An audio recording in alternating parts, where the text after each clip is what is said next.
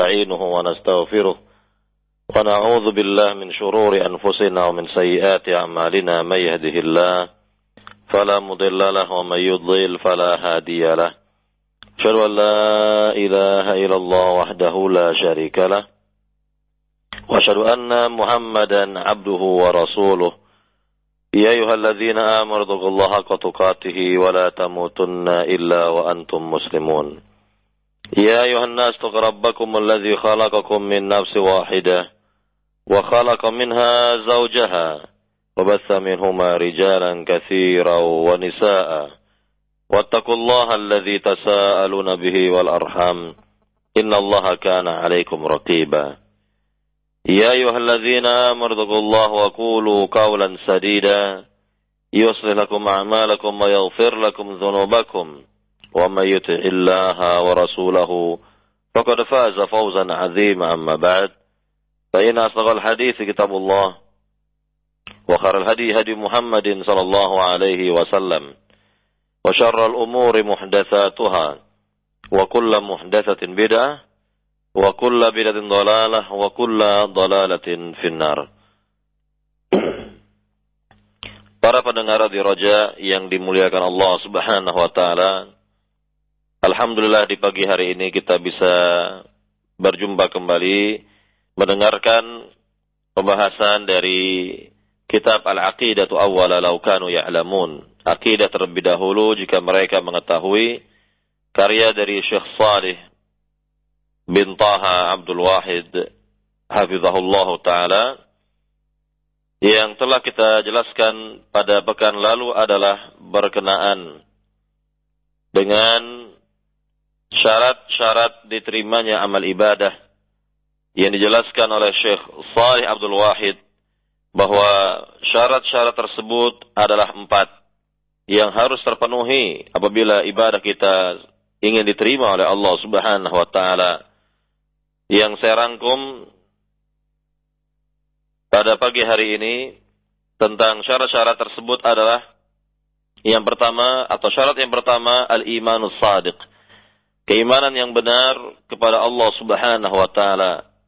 Sebagaimana Allah Subhanahu wa taala berfirman dalam surat An-Nahl ayat 97, "Man 'amila saliha min zakarin aw untha wa huwa mu'min, falanuhyiyannahu hayatan thayyibah wa lanajziyannahum ajrahum bi ahsani ma kanu ya'malun."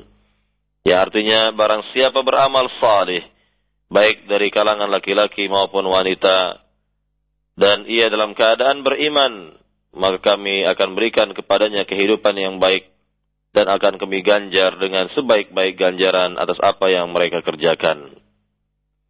Kemudian syarat yang kedua yang tidak kalah pentingnya agar amal-amal kita diterima oleh Allah Subhanahu wa taala adalah al-ikhlasu lillah.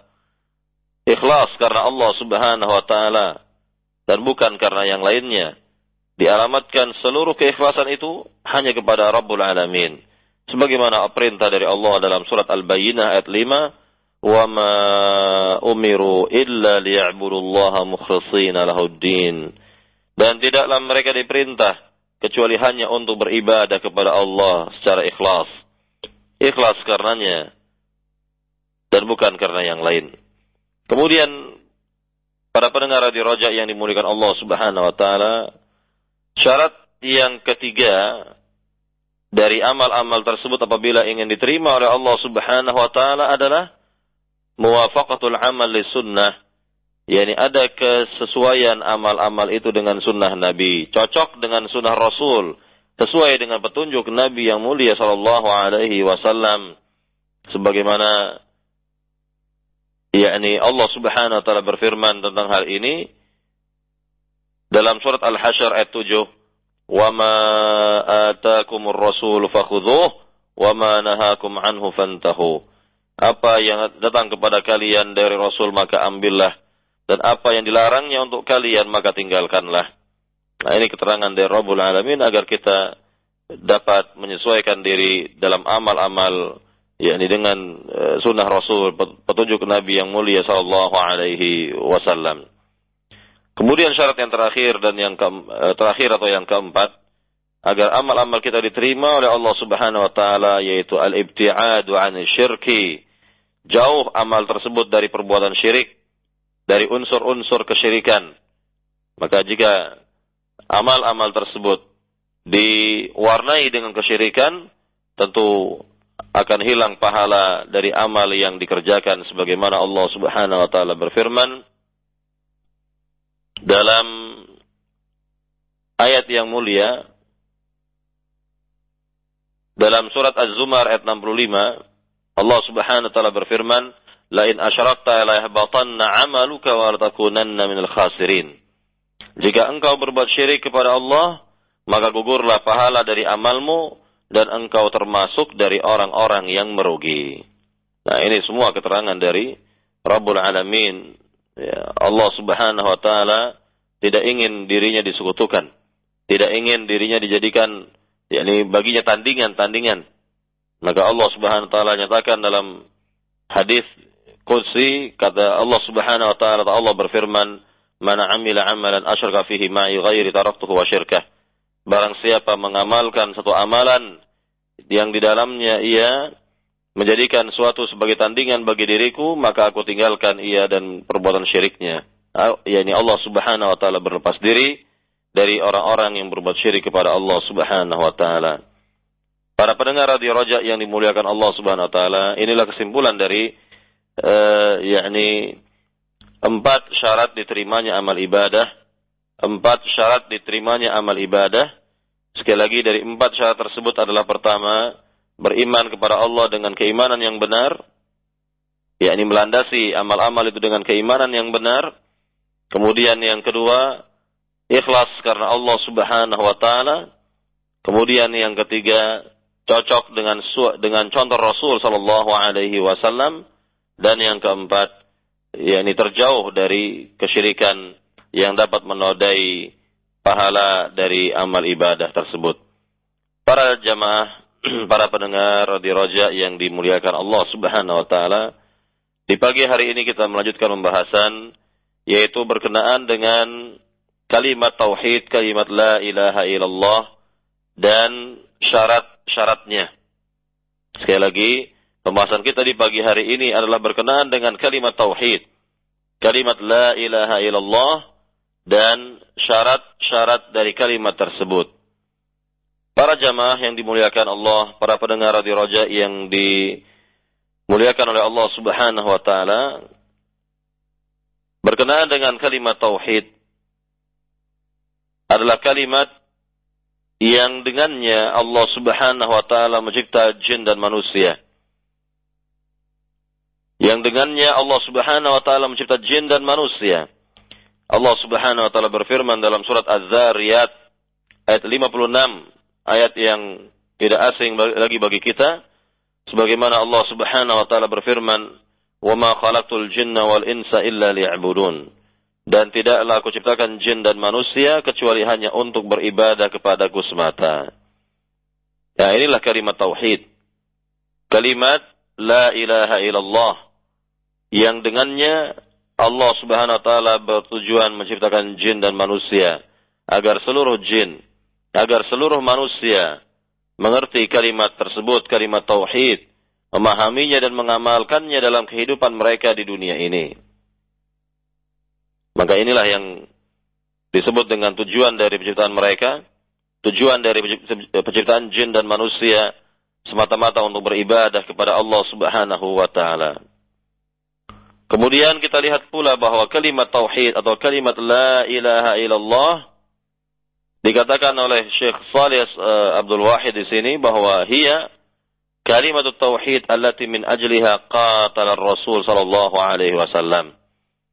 Kalimat tauhid inilah kalimat yang dengannya Rasulullah Shallallahu Alaihi Wasallam diperintahkan oleh Allah untuk memerangi manusia, yakni mereka-mereka yang pantas untuk diperangi, orang-orang musyrikin, orang-orang non Muslim yang memang pantas diperangi di zaman itu, Sebagaimana Nabi yang mulia sallallahu alaihi wasallam bersabda dalam hadisnya yang sahih umirtu an uqatil an-nas hatta yashhadu an la ilaha illallah wa anni rasulullah. Fa idza qaluha asaw minni dimahum wa amwalahum illa bihaqqiha wa hisabu 'ala Allah ta'ala. Yang artinya aku telah diperintah oleh Allah Subhanahu wa taala untuk memerangi manusia. Sekali lagi bahwa yang diperangi oleh Rasulullah oleh Rasulullah SAW di sini adalah mereka-mereka yang memang pantas untuk diperangi di zamannya itu. Kemudian sekali lagi Nabi mengatakan, aku telah diperintah oleh Allah Subhanahu wa taala untuk memerangi manusia hingga mereka bersaksi bahwa tidak ada ilah. Bahwa tidak ada ilah yang berhak disembah dengan benar kecuali Allah.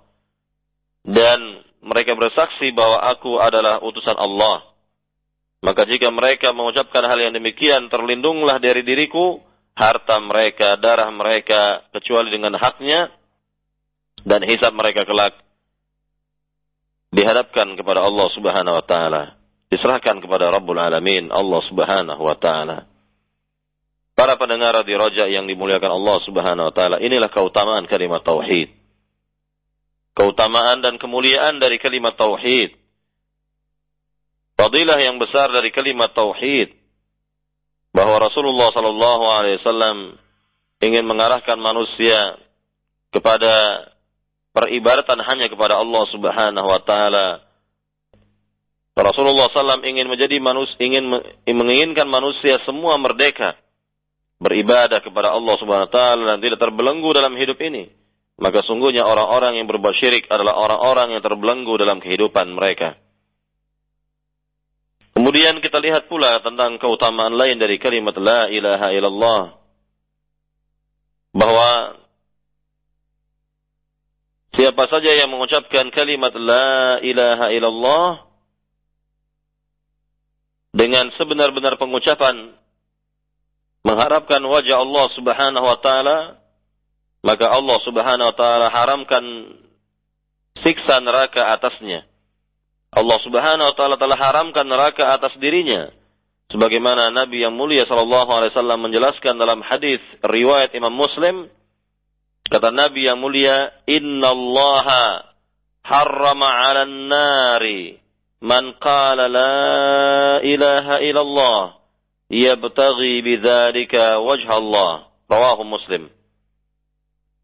Artinya sungguhnya Allah Subhanahu wa taala telah haramkan atas neraka yaitu orang yang mengucapkan kalimat la ilaha illallah yang mana ia mengharapkan wajah Allah dia semata-mata mengharapkan wajah Allah Subhanahu wa taala.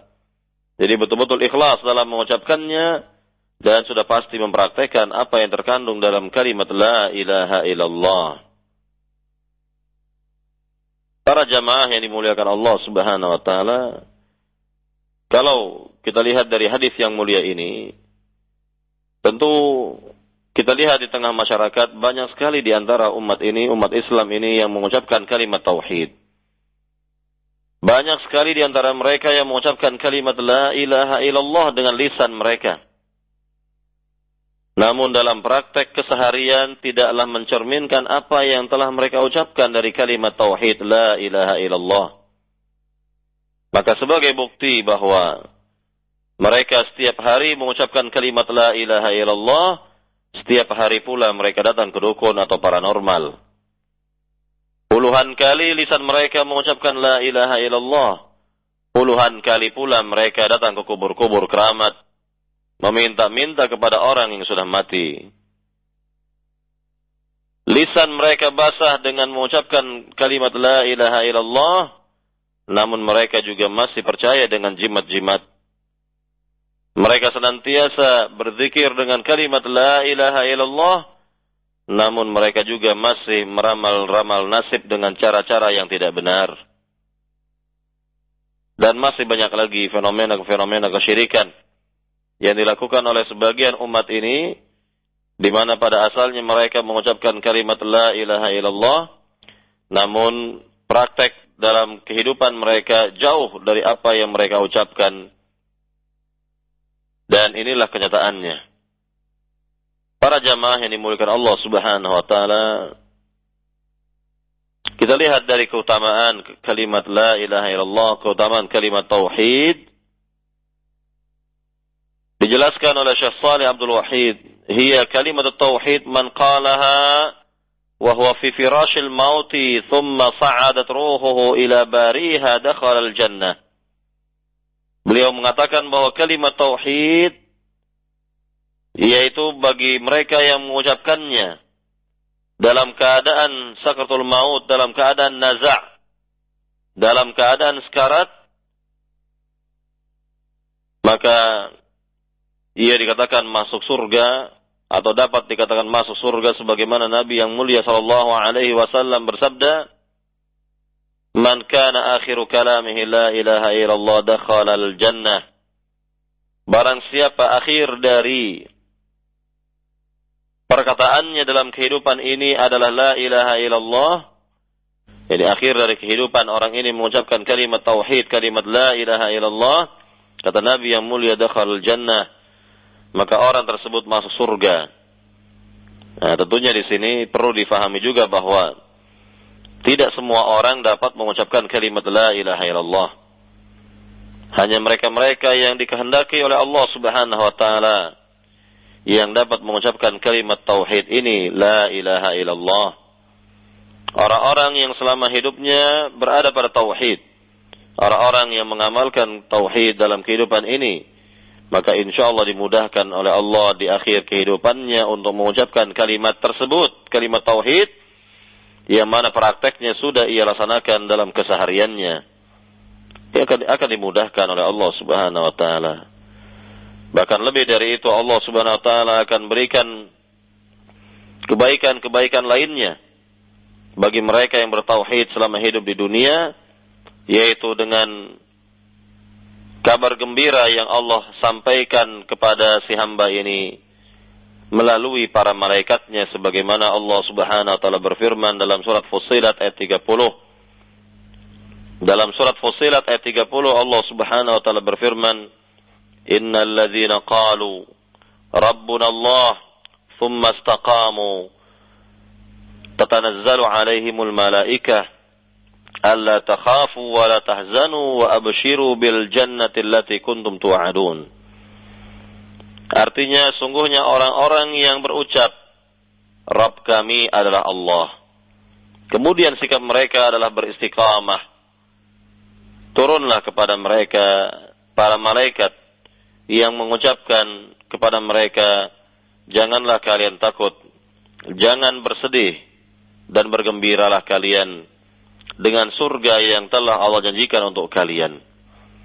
Nah, tentunya perkataan para malaikat ini adalah pada saat para hamba yang bertauhid dalam kehidupan di dunianya dalam keadaan naza, dalam keadaan sekarat, dalam keadaan sakratul maut, maka diberikan kemudahan-kemudahan oleh Allah Subhanahu wa taala, diberikan kebaikan-kebaikan oleh Rabbul Alamin, bahkan para malaikat yang mengatakan kepada para hamba dengan perkataan seperti itu datang dengan penampilan yang baik, wajah yang berseri-seri. Dan inilah yang kita lihat dari keterangan-keterangan atau dalil-dalil yang menjelaskannya. Yang jelas atau yang terpenting adalah pengamalan dari tauhid, dari kalimat tauhid, kandungan dari kalimat la ilaha illallah.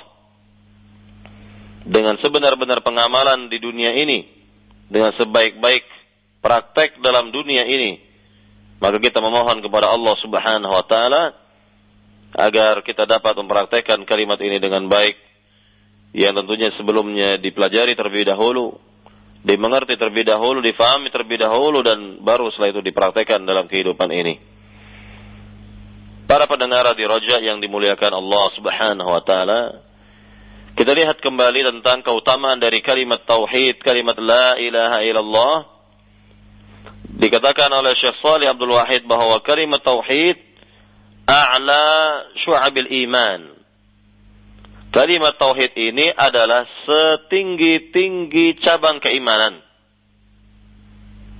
Kita mengetahui dalam hadis bahwa iman itu memiliki cabang-cabang yang banyak.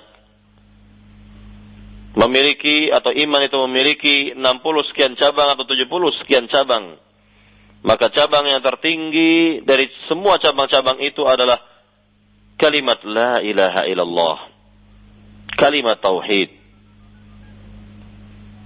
Kalimat la ilaha illallah. Maka Nabi yang mulia sallallahu alaihi wasallam bersabda dalam hadis Bukhari, kata Nabi yang mulia al-imanu bid'un wa sittuna syu'bah.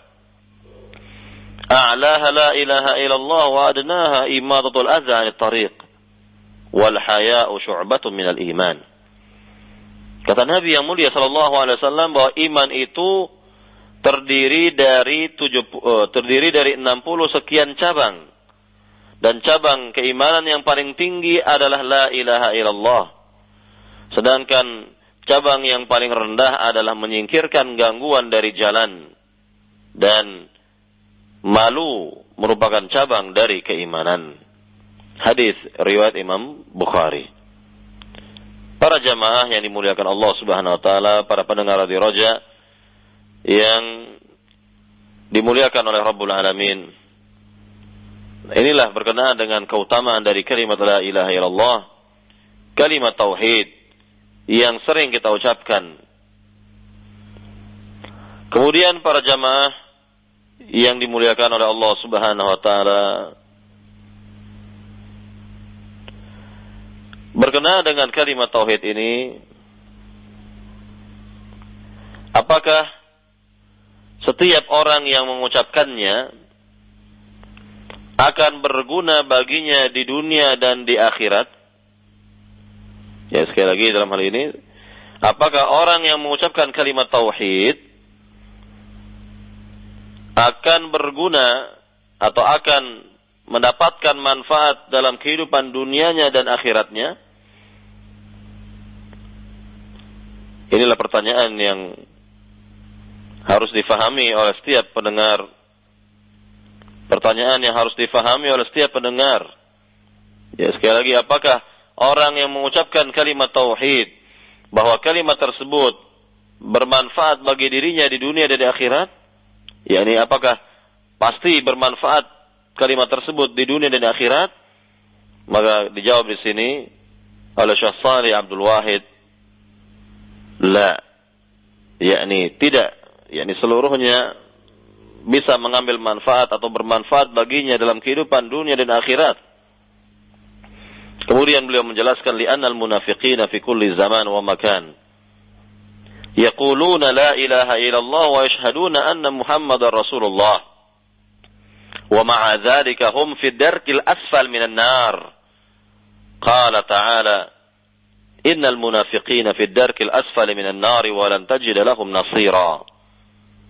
Beliau mengatakan bahwa ada di antara sekelompok manusia yang dikatakan sebagai kelompok munafikin, orang-orang munafik dan mereka ada pada setiap zaman, tempat di mana mereka senantiasa berucap kalimat la ilaha illallah dan juga berucap Muhammad Rasulullah dengan lisan mereka. Namun sayang, keberadaan mereka di negeri akhirat adalah fidarkil asfal minan nar. Yakni di bawah atau di kerak neraka atau neraka yang paling bawah. Sebagaimana firman Allah Subhanahu wa taala yang tercantum dalam surat An-Nisa ayat 145 Allah berfirman innal munafiqina fid darkil asfali minan nari wa lan tajid lahum nasira. Ya artinya sungguhnya orang-orang munafik berada di dasar neraka dan tidak ada penolong bagi mereka sedikit pun. Tidak ada penolong bagi mereka. Nah, inilah keterangan dari Allah Subhanahu wa taala bahwa memang tidak semua orang ketika mengucapkan kalimat la ilaha illallah tidak semua orang pada saat mengucapkan kalimat la ilaha illallah itu bermanfaat bagi dirinya di dunia dan di akhirat.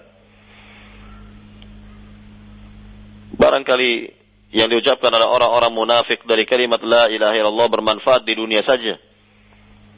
Kita lihat di zaman Nabi yang mulia sallallahu alaihi wasallam di mana keberadaan orang-orang munafik di zaman Nabi adalah minoritas dan mereka khawatir terhadap keselamatan diri mereka, darah mereka, harta mereka sehingga mereka berpura-pura untuk mengucapkan kalimat la ilaha illallah di hadapan umat Islam.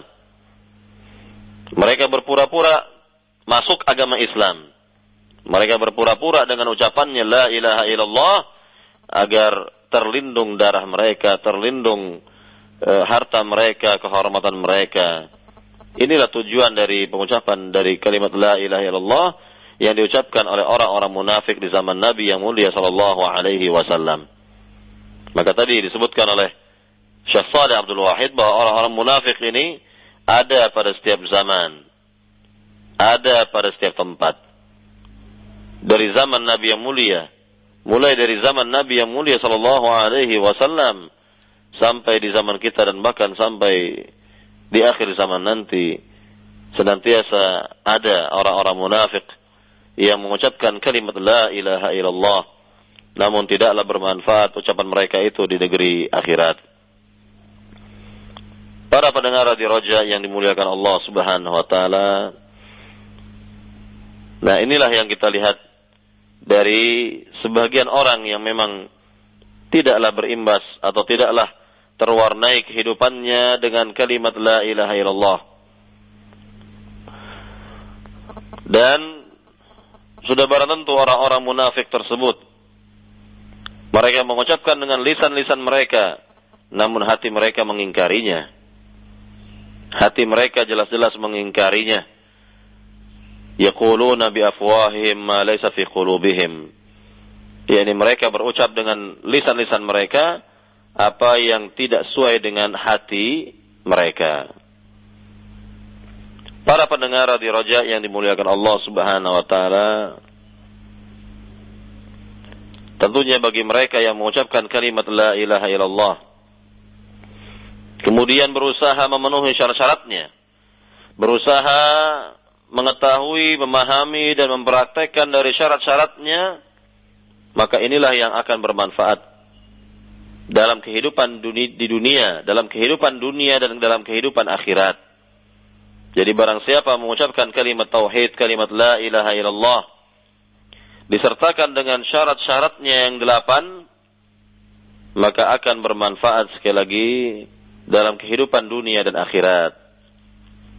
Nah sekarang kita akan jelaskan, kita akan sebutkan syarat-syarat kalimat tauhid, syarat-syarat kalimat la ilaha illallah yang berjumlah delapan.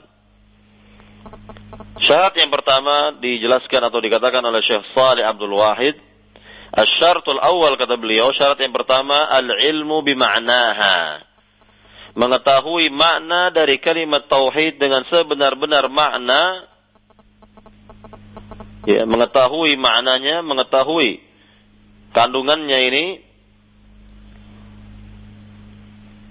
dan tidak sembarangan atau tidak yakni asal mengucapkan kalimat la ilaha illallah.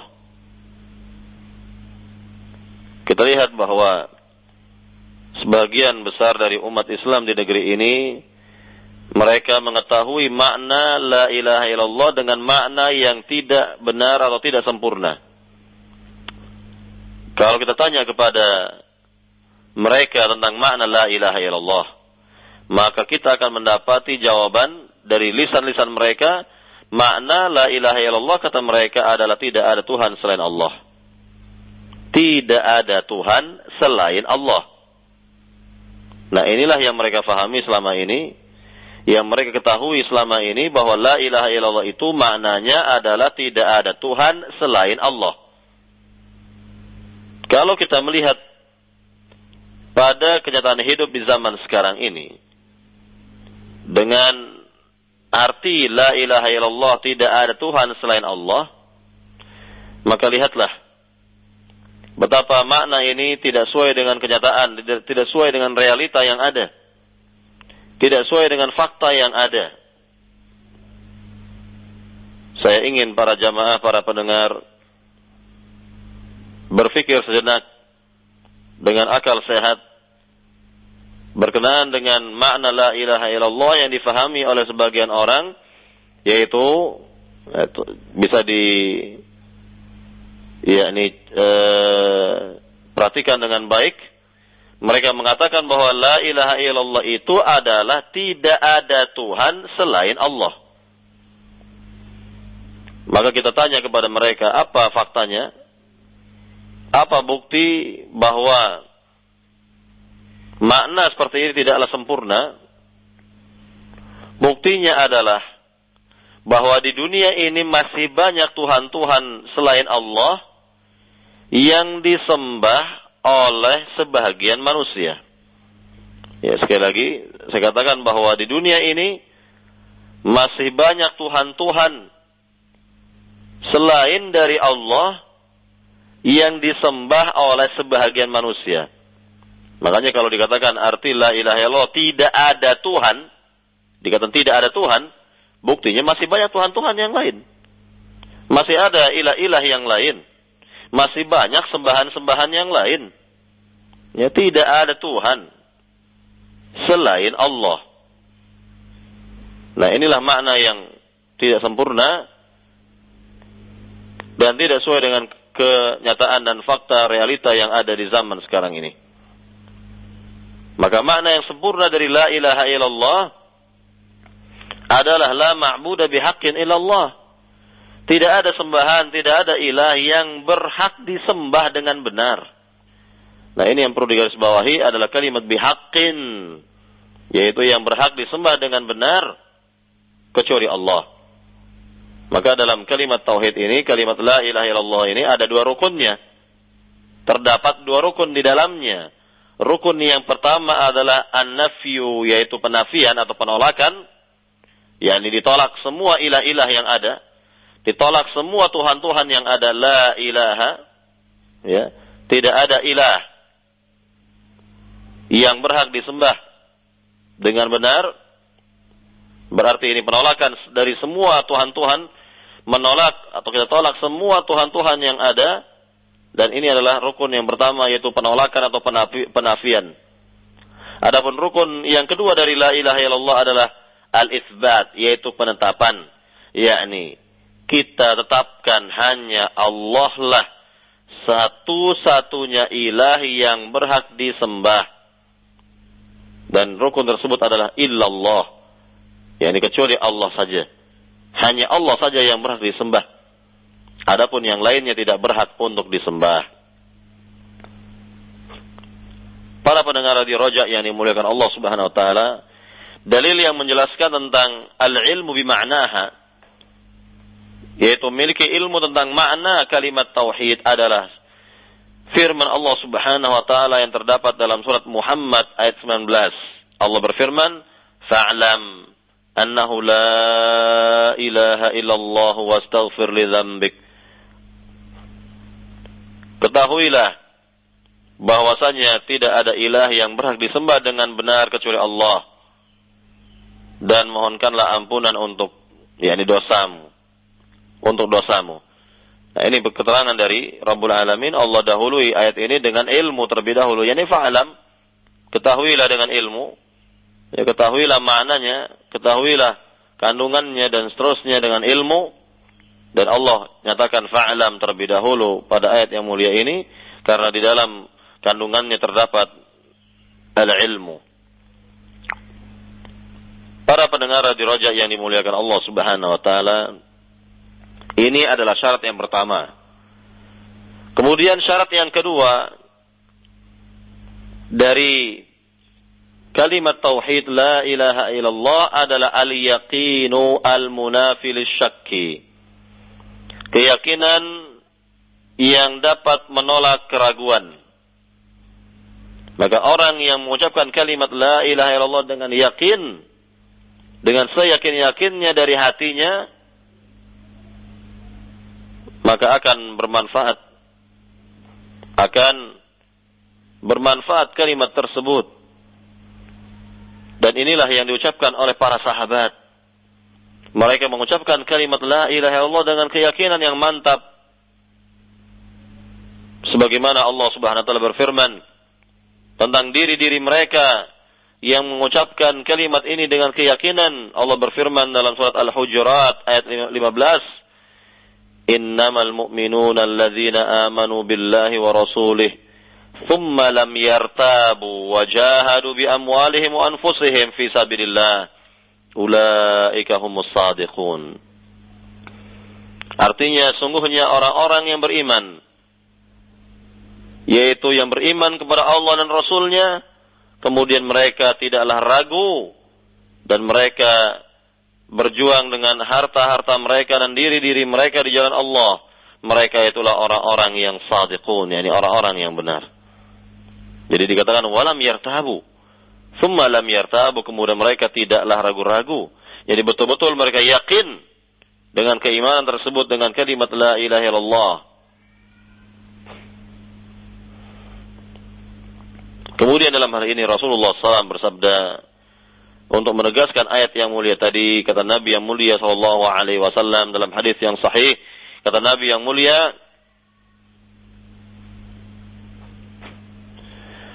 Ashhadu an la ilaha illallah wa anni rasulullah لا يلقي الله بهما عبد غير شاك فيهما إلا دخل الجنة Yani aku bersaksi bahwa tidak ada ilah yang berhak disembah dengan benar kecuali Allah dan aku adalah utusan Allah, maka tidaklah seorang berjumpa dengan Allah ya. Kemudian si hamba ini tidaklah ragu terhadap apa yang diucapkannya itu, maka ia akan masuk surga.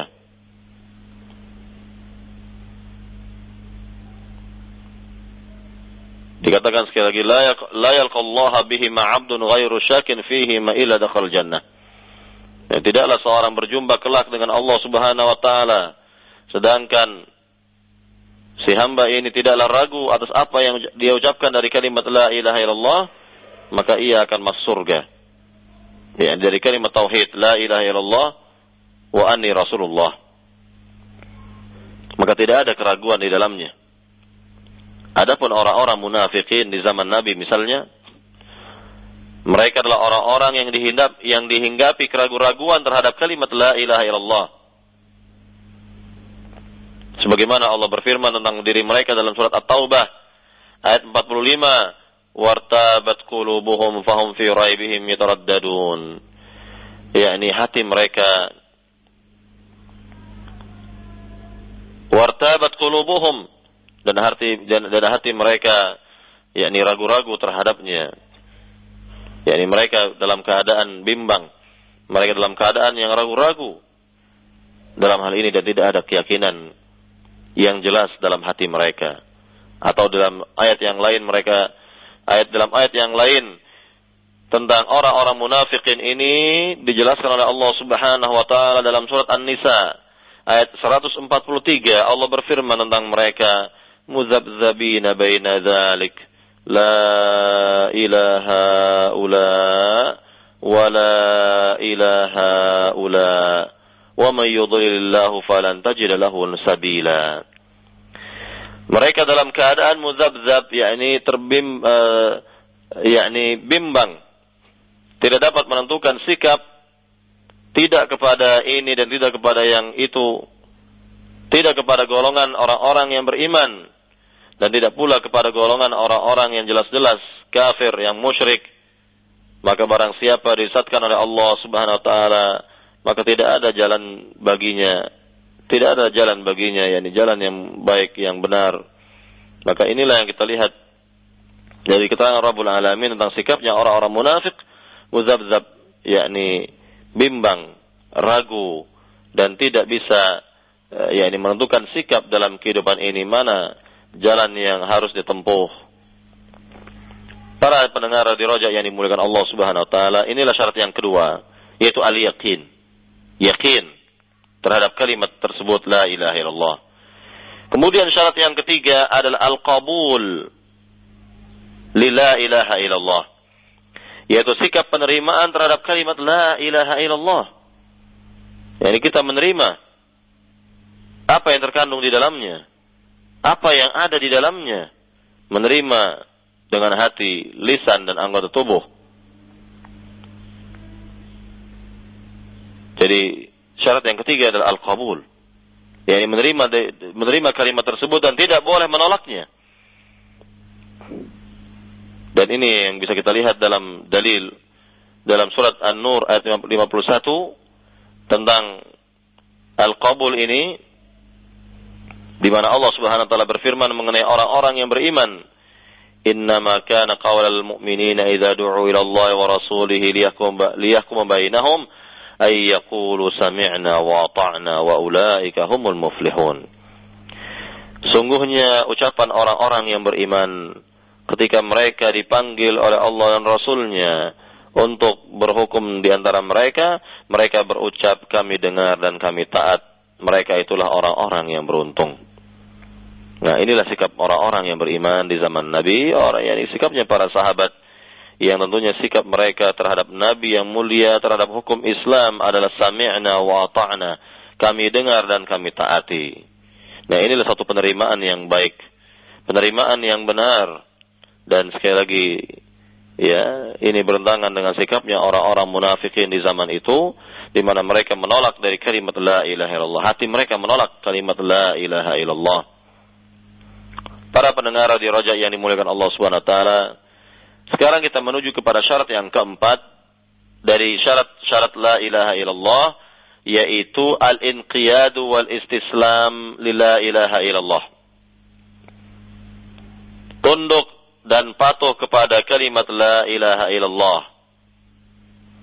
Tunduk atas apa yang terdapat dalam kalimat la ilaha illallah dan tidak kebalikannya. Maka bagi siapa yang memiliki sikap al-inqiyat wal istislam, berserah diri kepadanya, tunduk dan patuh dengan kalimatnya, yakni kalimat tauhid ini, maka inilah yang bermanfaat dalam kehidupannya. Kemudian syarat yang kelima adalah as-sidqu al-munafilil kadzib. yakni kejujuran di dalam mengucapkan kalimat tauhid yang dapat menafikan kedustaan. Maka hendaknya kita jujur di dalam mengucapkan kalimat tersebut dan tidak ada kedustaan. Sedangkan orang-orang munafik di zaman Nabi yang mulia sallallahu alaihi wasallam tentunya mereka tidaklah jujur dalam mengucapkannya. Para pendengar di Roja yang dimuliakan Allah Subhanahu wa taala dalam surat Al-Ankabut ayat 1 sampai 3 Allah Subhanahu wa taala berfirman Sekali lagi dalam surat Al-Ankabut ayat 1 sampai 3 Allah Subhanahu wa taala berfirman Alif Lam Mim Ahasiban nasu ayutraku ayyakulu amanna wa hum la yuftanun wa laqad fatanna alladhina min qablihim fala ya'lamanna Allahu alladhina sadaqu wa la ya'lamanna al-kadhibin Ya artinya Alif Lam Mim apakah manusia mengira dibiarkan begitu saja untuk mengucapkan yakni amanna kami ini beriman sedangkan mereka tidak diuji dan sungguh kami telah menguji orang-orang sebelum mereka agar Allah mengetahui orang-orang yang benar-benar jujur dan mengetahui pula di antara mereka yang dusta. Para jamaah pendengar di Raja yang dimuliakan Allah Subhanahu wa taala, inilah syarat yang kelima itu as-sidqu, jujur dan e, jujur yang menafikan kedustaan. Kemudian syarat yang keenam adalah al-ikhlasu. Ikhlas di dalam mengucapkan kalimat ini, mengucapkan kalimat tauhid, kalimat la ilaha illallah. Jadi tidak ada hal-hal yang dapat menodainya. Tidak ada hal-hal yang dapat menodai keikhlasan dalam mengucapkan kalimat ini, kalimat la ilaha illallah. Al-ikhlasu dan ini penting. Keikhlasan ini sangatlah penting dalam kehidupan Ya, di antaranya adalah dalam mengucapkan kalimat la ilaha illallah sebagaimana dalil-dalil yang telah kita lewatkan terdahulu. Kemudian syarat yang ketujuh dari kalimat la ilaha illallah adalah al-mahabba li ahliha. Ini mencintai orang-orang yang mengucapkan kalimat la ilaha illallah. Mencintai ini secara umum yakni umat Islam ini mencintai kaum muslimin. Mencintai orang-orang yang mengucapkan kalimat la ilaha illallah dengan sebenar-benar pengucapan al-mahabbah Ya. Kemudian dalam hal ini syarat yang terakhir atau syarat yang kedelapan dari kalimat la ilaha illallah adalah al-kufru bitawaghit. Sikap mengingkari Tuhan-Tuhan selain dari Allah Subhanahu wa taala. Jadi tentunya kalau seorang menyatakan beriman kepada Allah, bertauhid kepada Allah Subhanahu wa taala, maka hendaknya sikapnya pula adalah sikap yang jelas adalah yakni e, mengingkari Tuhan-Tuhan selain dari Allah Subhanahu wa taala. Maka Allah Subhanahu wa taala berfirman dalam ayat yang mulia dalam surat Al-Baqarah ayat 256 Allah berfirman la ikraha fid din qad tabayyana rusydu min al-ghayy faman yakfur bit taghut wa yu'min billahi faqad istamsaka bil urwatil wuthqa lan fisama laha wallahu samiyun alim. Maka yang menjadi syahid dalam ayat yang mulia ini adalah ayat yang mulia faman faman yakfur bitaghut wa yu'min billah. Barang siapa yang kufur kepada taghut yakni kepada sembahan-sembahan selain Allah dan hanya beriman kepada Allah saja, faqad istamsaka bil urwatil wuthqa, maka ia telah berpegang teguh dengan tali agama yang kuat. Nah, ini yang kita lihat tentang uh, kalimat atau dari uh, syarat yang kedelapan dari kalimat uh, tauhid yaitu al-kufru bi tawagid mengingkari tuhan-tuhan selain dari Allah Subhanahu wa taala. Baik para jamaah, para pendengar di Roja yang dimuliakan Allah Subhanahu wa taala, inilah penjelasan pembahasan di pagi hari ini berkenaan dengan kalimat la ilaha illallah yang memiliki keutamaan-keutamaan yang banyak sekali dan juga termasuk di dalamnya syarat-syarat dari kalimat la ilaha illallah. Mudah-mudahan dari pembahasan di pagi ini di pagi hari ini ada manfaatnya bisa kita mengambil pelajaran berharga darinya dan saya kembalikan kepada pembawa acara di studio Roja untuk soal jawab. Nah, kami ucapkan terima kasih untuk Ustaz Jazakallah Khairan atas materi yang disampaikan. Demikian Khotal Iman, sesi materi yang kita simak dan kita ikuti di kesempatan pagi hari ini disampaikan oleh Al Ustaz Arman Amri Hafirullahu Ta'ala dari kitab Al-Aqidatu Awalan Laukanu Ya'lamun buah karya Syekh Saleh Abdul Wahid Hafirullahu Ta'ala Khotal iman di mana pun Anda, kita akan memasuki sesi tanya jawab. Untuk Anda yang akan bertanya, pada kesempatan pagi hari ini kami berikan kesempatan melalui telepon di 0218236543 atau melalui pesan singkat di 0819896543. Baik Ustaz, kita angkat pertanyaan yang pertama dari pendengar kita melalui pesan singkat Ustaz ya. Dari Pak Idin di Jakarta yang bertanya, Ya Ustaz, apakah semua syarat yang tadi Ustaz sebutkan harus ada di dalam diri-diri setiap muslim. Bagaimanakah jika salah satu syarat yang Ustaz sampaikan tadi tidak ada atau tidak sempurna? Apakah syahadat kita sah? Mohon penjelasannya. Jazakallah khairan. Iya, jadi dari syarat-syarat yang tadi telah disebutkan, delapan syarat yang berkenaan dengan kalimat La ilaha illallah, maka semuanya ini harus ada pada diri seorang muslim.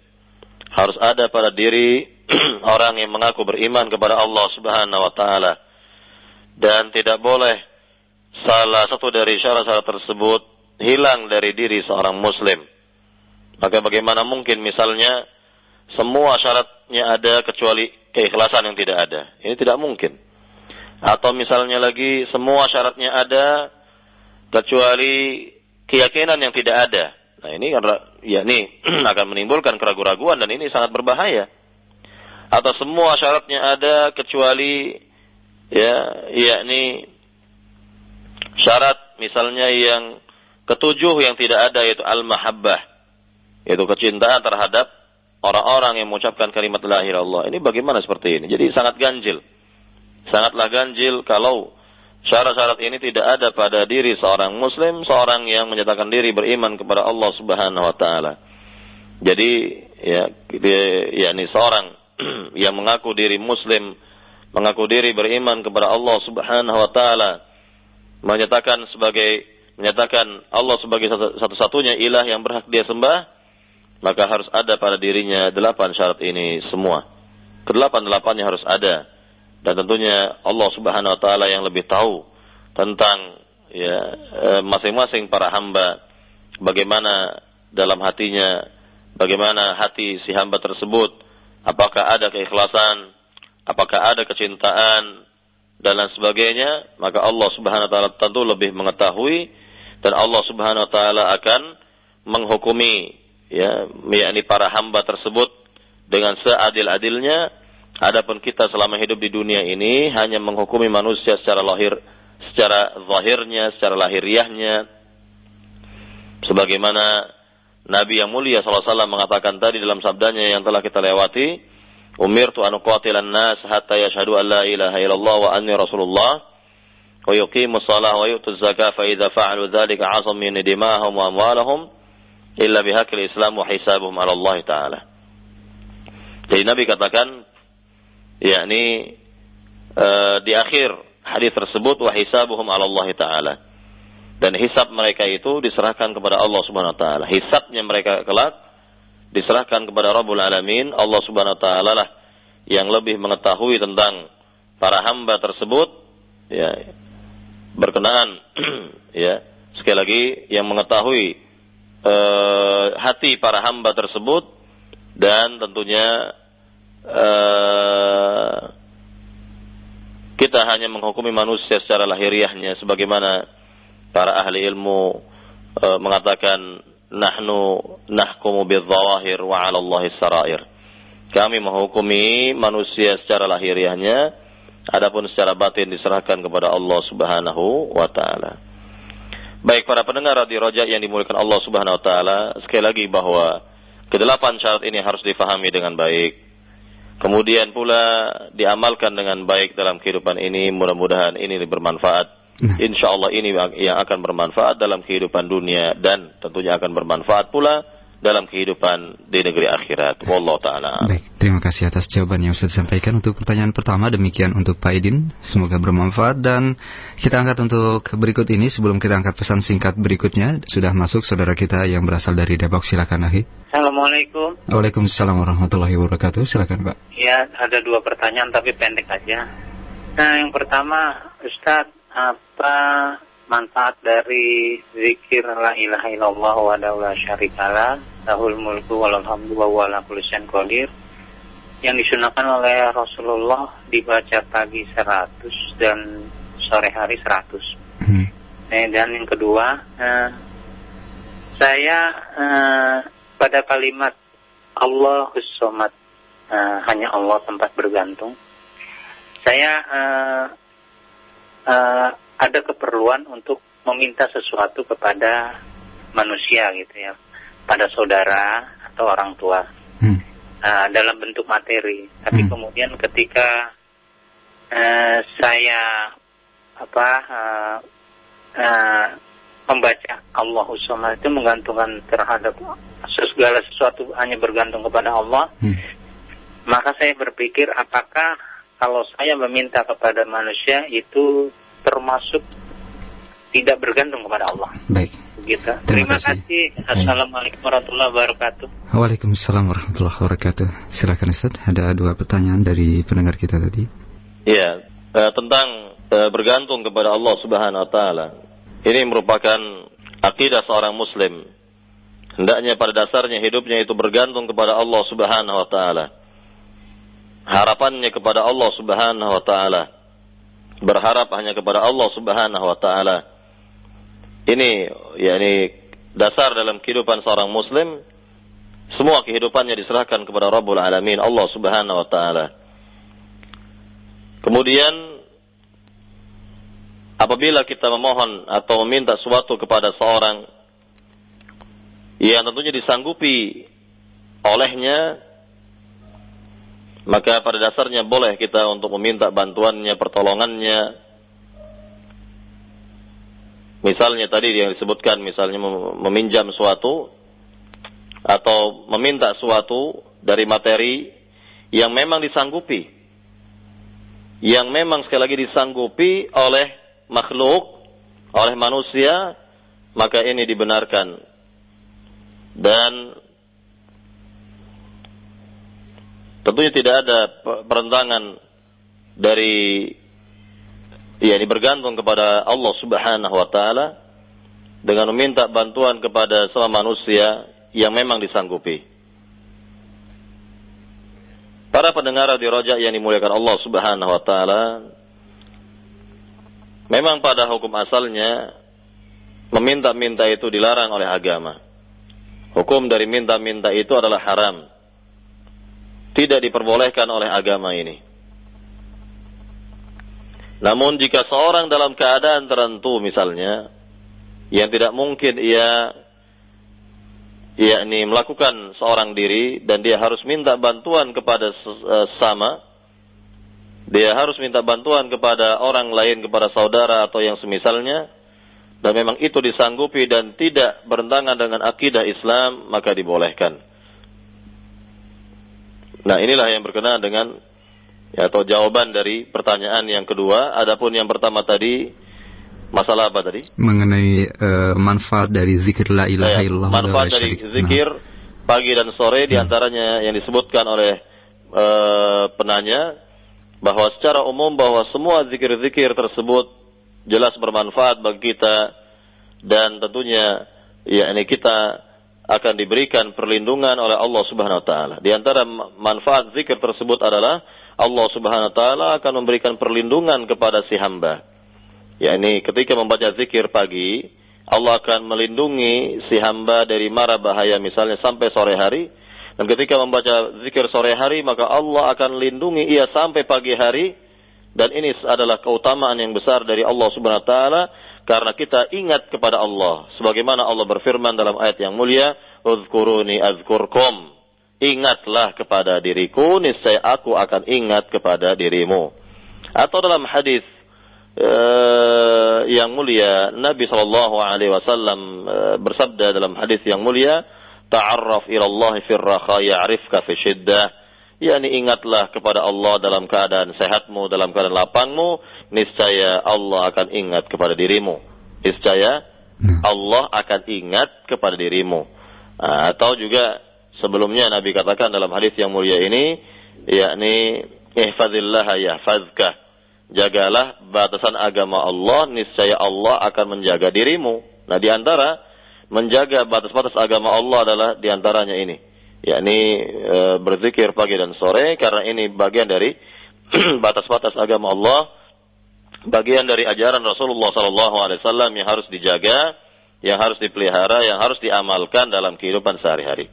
Nah, jadi e, apa yang diamalkan oleh sebagian kaum muslimin dari zikir pagi dan sorenya adalah tanda ia beriman kepada Allah.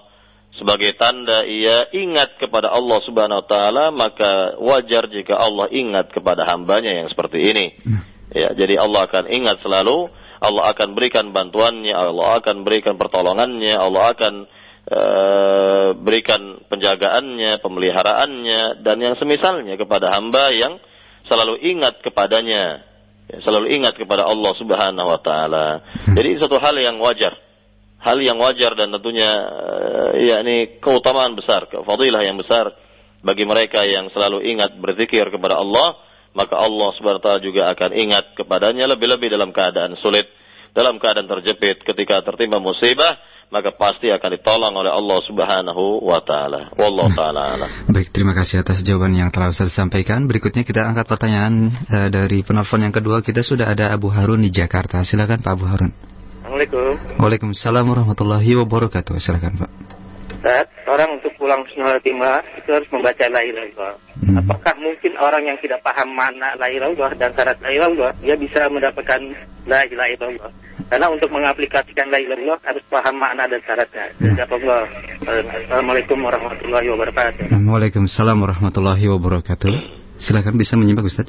Iya, jadi apa yang tadi dijelaskan tentang syarat-syarat la ilaha illallah di antaranya adalah mengetahui maknanya, kandungannya, konsekuensinya, maka inilah yang bermanfaat bagi orang tersebut dalam kehidupan dunianya dan kelak dalam kehidupan di negeri akhirat. Ini sudah pasti. Jadi bagaimana mungkin yakni seorang yakni eh, akan me- mendapatkan keutamaan-keutamaan baik di dunia maupun di akhirat ketika ia mengucapkan kalimat la ilaha illallah dengan lisannya namun ia tidak faham maknanya. Dia tidak faham kandungannya, dia tidak faham apa konsekuensi dari mengucapkannya. Kemudian hal-hal lainnya pun tidak ya, ada atau tidak terpenuhi pada dirinya. Jadi ini harus ya ini ada pada diri seorang muslim yakni ketika mengucapkan kalimat la ilaha illallah ya dan maka apa yang diucapkannya itu sesuai dengan syarat-syaratnya dipenuhi syarat-syaratnya dan tidak menyimpang dari ketentuan atau syarat-syarat tersebut.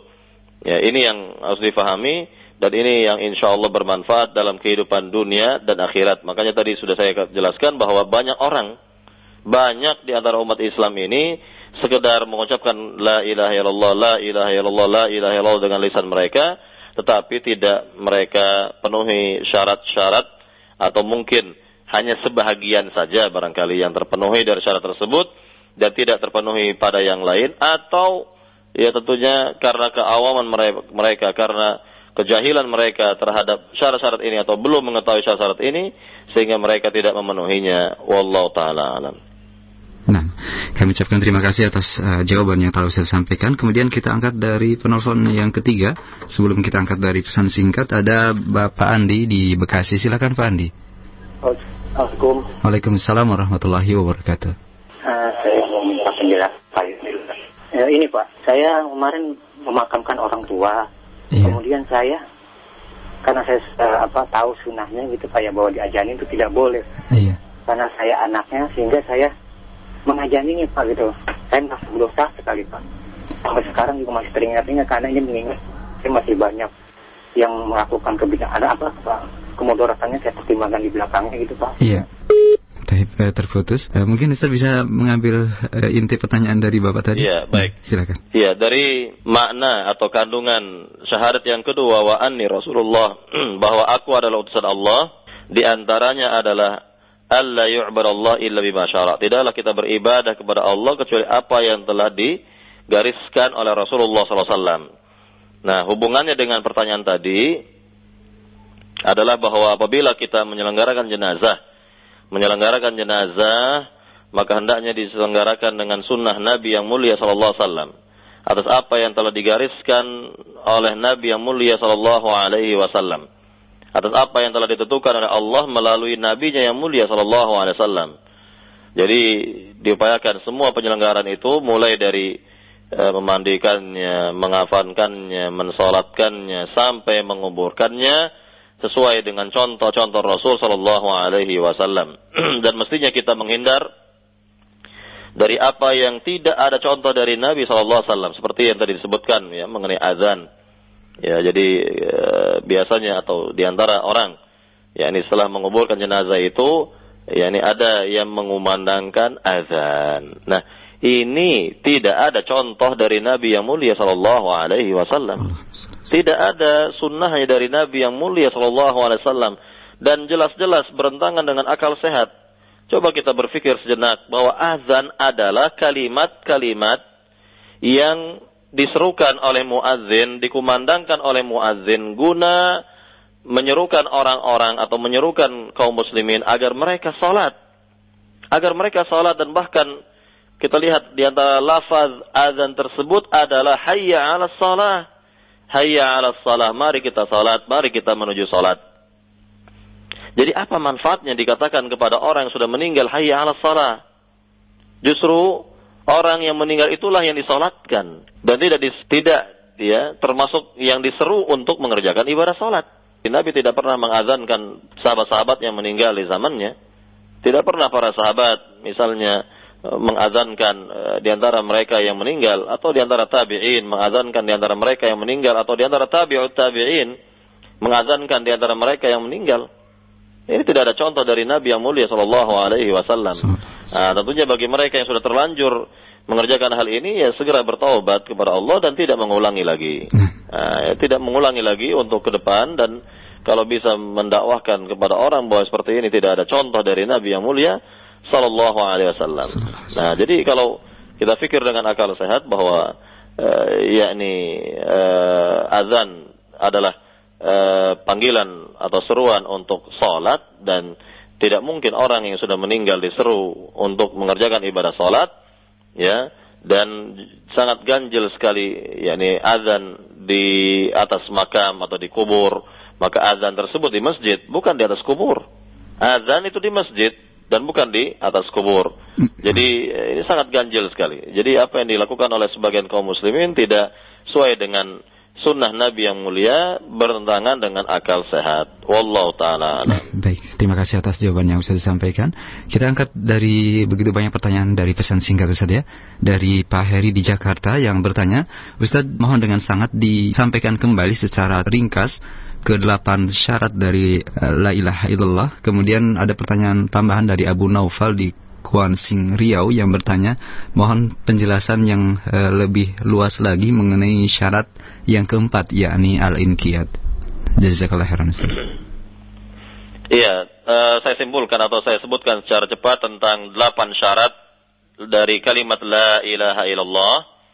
Syarat yang pertama adalah al-ilmu bima'naha, yakni mengetahui maknanya atau memiliki ilmu tentang maknanya, ya, kandungannya dan juga konsekuensi dari mengucapkan kalimat la ilaha illallah. Jadi betul-betul mengetahui maknanya bukan dalam keadaan yang jahil dalam hal ini. Ini syarat yang pertama al-ilmu, ilmu dia. Kemudian syarat yang kedua dari kalimat la ilaha illallah adalah al-yaqin, itu keyakinan yang dapat menolak keraguan. Ya betul-betul kita mengucapkan kalimat tersebut dengan keyakinan yang mantap. Kemudian syarat yang ketiga adalah al-qabul, yaitu penerimaan. Jadi kita menerima apa yang e, kita ucapkan dan kandungannya semua kita terima yaitu dengan hati, lisan dan anggota tubuh lainnya. Ini syarat yang ketiga. Syarat yang keempat adalah al-inqiyat, tunduk dan patuh serta berserah diri kepadanya al-istislam, ya berserah diri kepadanya ini akan saya jelaskan sekalian ya, e, dan juga akan kita sebutkan syarat-syarat yang lainnya. Ya, ini berkenaan dengan syarat yang keempat al-inqiyat, tunduk dan patuh al-istislam. Wa al-istislam dan berserah diri kepadanya yaitu berserah diri terhadap kalimat la ilaha illallah ya berserah diri tetap terhadap apa yang ada pada kalimat tersebut tunduk dan patuh dari apa yang terkandung di dalamnya, tidak berbuat syirik kepada Allah Subhanahu wa taala. Ya, sebagaimana Allah Subhanahu wa taala berfirman uh, dalam ayat yang mulia, dalam ayat yang mulia seperti dalam surat uh, Luqman misalnya.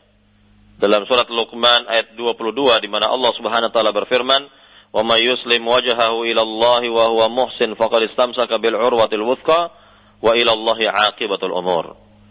Ya, ini barang siapa menyerahkan yakni uh, wajahnya kepada Allah artinya ikhlas, ya, tunduk dan patuh kepada Allah, wa huwa muhsin dalam keadaan ia berbuat ihsan, maka ia telah yakni berpegang teguh dengan tali agama Allah yang kuat dan kepada Allah lah ya segala akibat buruk eh, segala segala akibat baik ya dari urusan-urusan dikembalikan ya, kepada Allah dikembalikan semua akibat-akibat dari yakni urusan-urusan tersebut. Ya ini dalam surat Luqman ayat 22 atau dalam ayat yang lain Allah Subhanahu wa taala berfirman eh, wa anibu ila rabbikum wa aslimu lah min qabli ayyatiyakumul azabu thumma la tunsarun. Ya, ini tentang ya ini berserah diri kepada Allah Subhanahu wa taala dikatakan wa aslimu lah berserah dirilah kalian kepadanya yakni kepada Allah kepada Rabb kalian ya dan uh, ini adalah makna dari uh, syarat yang keempat yaitu al-inqiyat, tunduk dan patuh, wal istislam dan berserah diri kepada kalimat la ilaha illallah. Ya. Kemudian syarat yang kelima dalam hal ini adalah as-sidqu al-munafil al-kadzib, yaitu jujur yang menafikan kedustaan. Ya, jujur yang menafikan kedustaan. Kemudian syarat yang keenam adalah al-ikhlas. Ikhlas kita mengucapkan kalimat tersebut karena Allah Subhanahu wa taala Kemudian syarat yang ketujuh adalah al-mahabbah li ahliha, mencintai orang-orang yang mengucapkan kalimat la ilaha illallah, mencintai kalimat la ilaha illallah dan juga mencintai orang-orang yang mengucapkannya. Kemudian yang terakhir yang kedelapan, syarat yang kedelapan adalah al-kufru bit tawagid, yakni mengingkari tagut, yakni mengingkari tuhan-tuhan selain dari Allah Subhanahu wa taala. Nah, inilah secara ringkas tentang delapan syarat kalimat la ilaha illallah dan sekaligus tadi penjelasan tentang syarat yang keempat tentang al-inqiyat, tunduk dan patuh wal istislam serta berserah diri dengan kalimat la ilaha illallah. Nah, silakan. Nah, terima kasih dan kemudian kita angkat pertanyaan dari pesan singkat kembali dari pendengar kita di Bekasi yang bertanya, ya Ustaz di antara salah satu syarat yang Ustaz sampaikan tadi adalah kufur terhadap Togut Ustaz.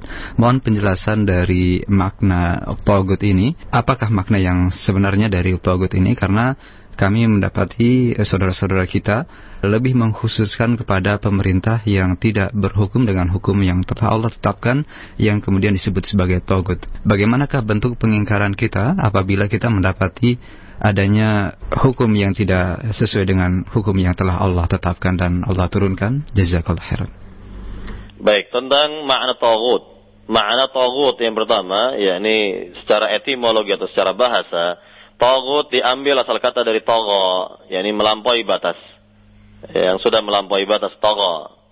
Kemudian makna togut secara terminologi atau syara atau istilahan adalah segala sesuatu atau apa saja yang telah ya dilampaui batasnya atau melampaui batas dari yang disembah atau dari yang diikuti atau yang dari yang ditaati.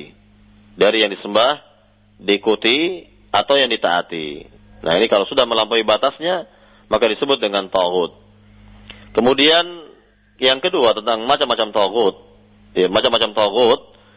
Uh, yang pertama, tauhid yang pertama adalah iblis. Ini tauhid yang pertama adalah iblis.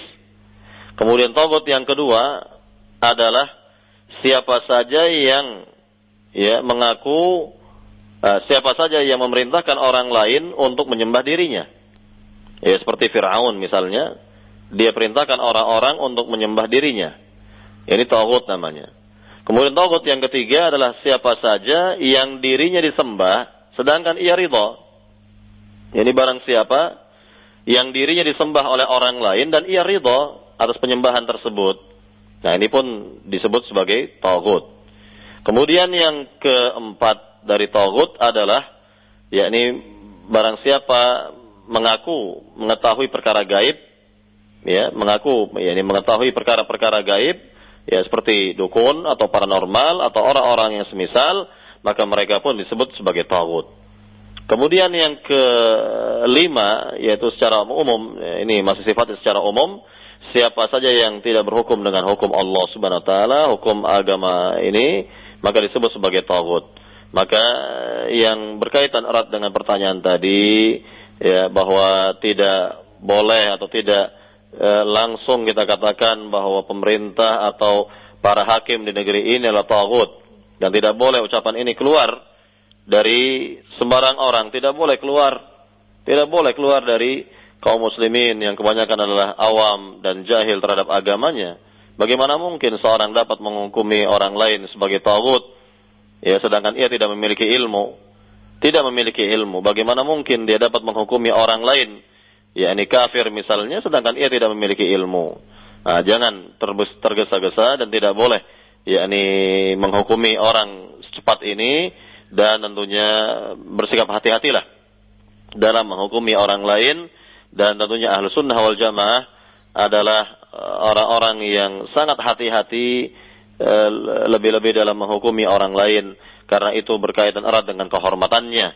Berkaitan erat dengan kehormatannya berkaitan erat dengan darahnya atau hartanya maka tidak yakni mudah dan e, sembarang ucap ya atau menilai seorang atau menghukumi seorang dengan tagut misalnya dan tentunya uh, jangan kita terwarnai dengan pemikiran-pemikiran yang rusak, jangan kita terwarnai dengan akidah yang tidak jelas seperti akidahnya kaum Khawarij di mana mereka cepat sekali menghukumi orang, cepat sekali menghukumi ya, penguasa atau pemerintah misalnya, langsung dikatakan siapa saja yang tidak berhukum dengan hukum Allah, siapa saja yang tidak berhukum dengan hukum Islam ini dari pemerintah maka dikatakan tagut.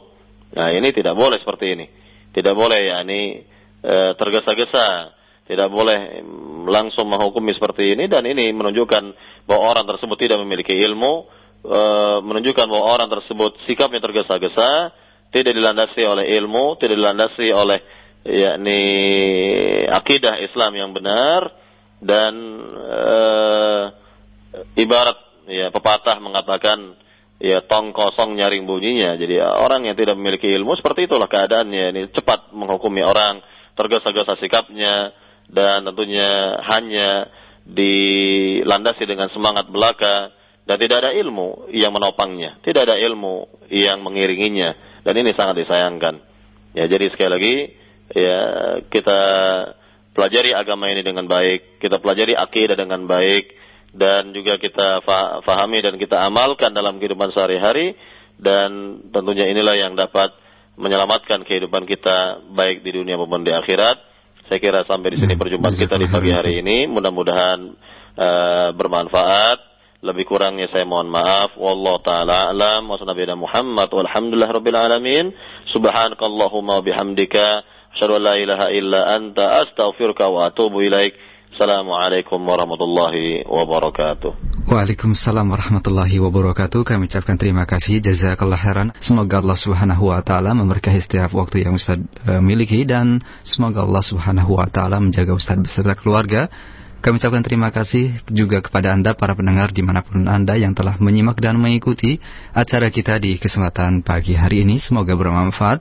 Dan demikian di Hotel Iman akhir dari perjumpaan kita untuk di kesempatan Senin pagi ini. Pembahasan dari kitab Al-Aqidatu Awalan Laukanu Ya'lamun buah karya Syekh Saleh Abdul Wahid Hafirullah Ta'ala disampaikan tadi oleh Al-Ustaz Arman Amri Al-Si Hafirullah kami mohon maaf atas segala kekurangan dan kekhilafan serta kudoifan kami atas uh, pembawaan acara yang diselenggarakan pada kesempatan pagi hari ini. Wassalamualaikum warahmatullahi wabarakatuh.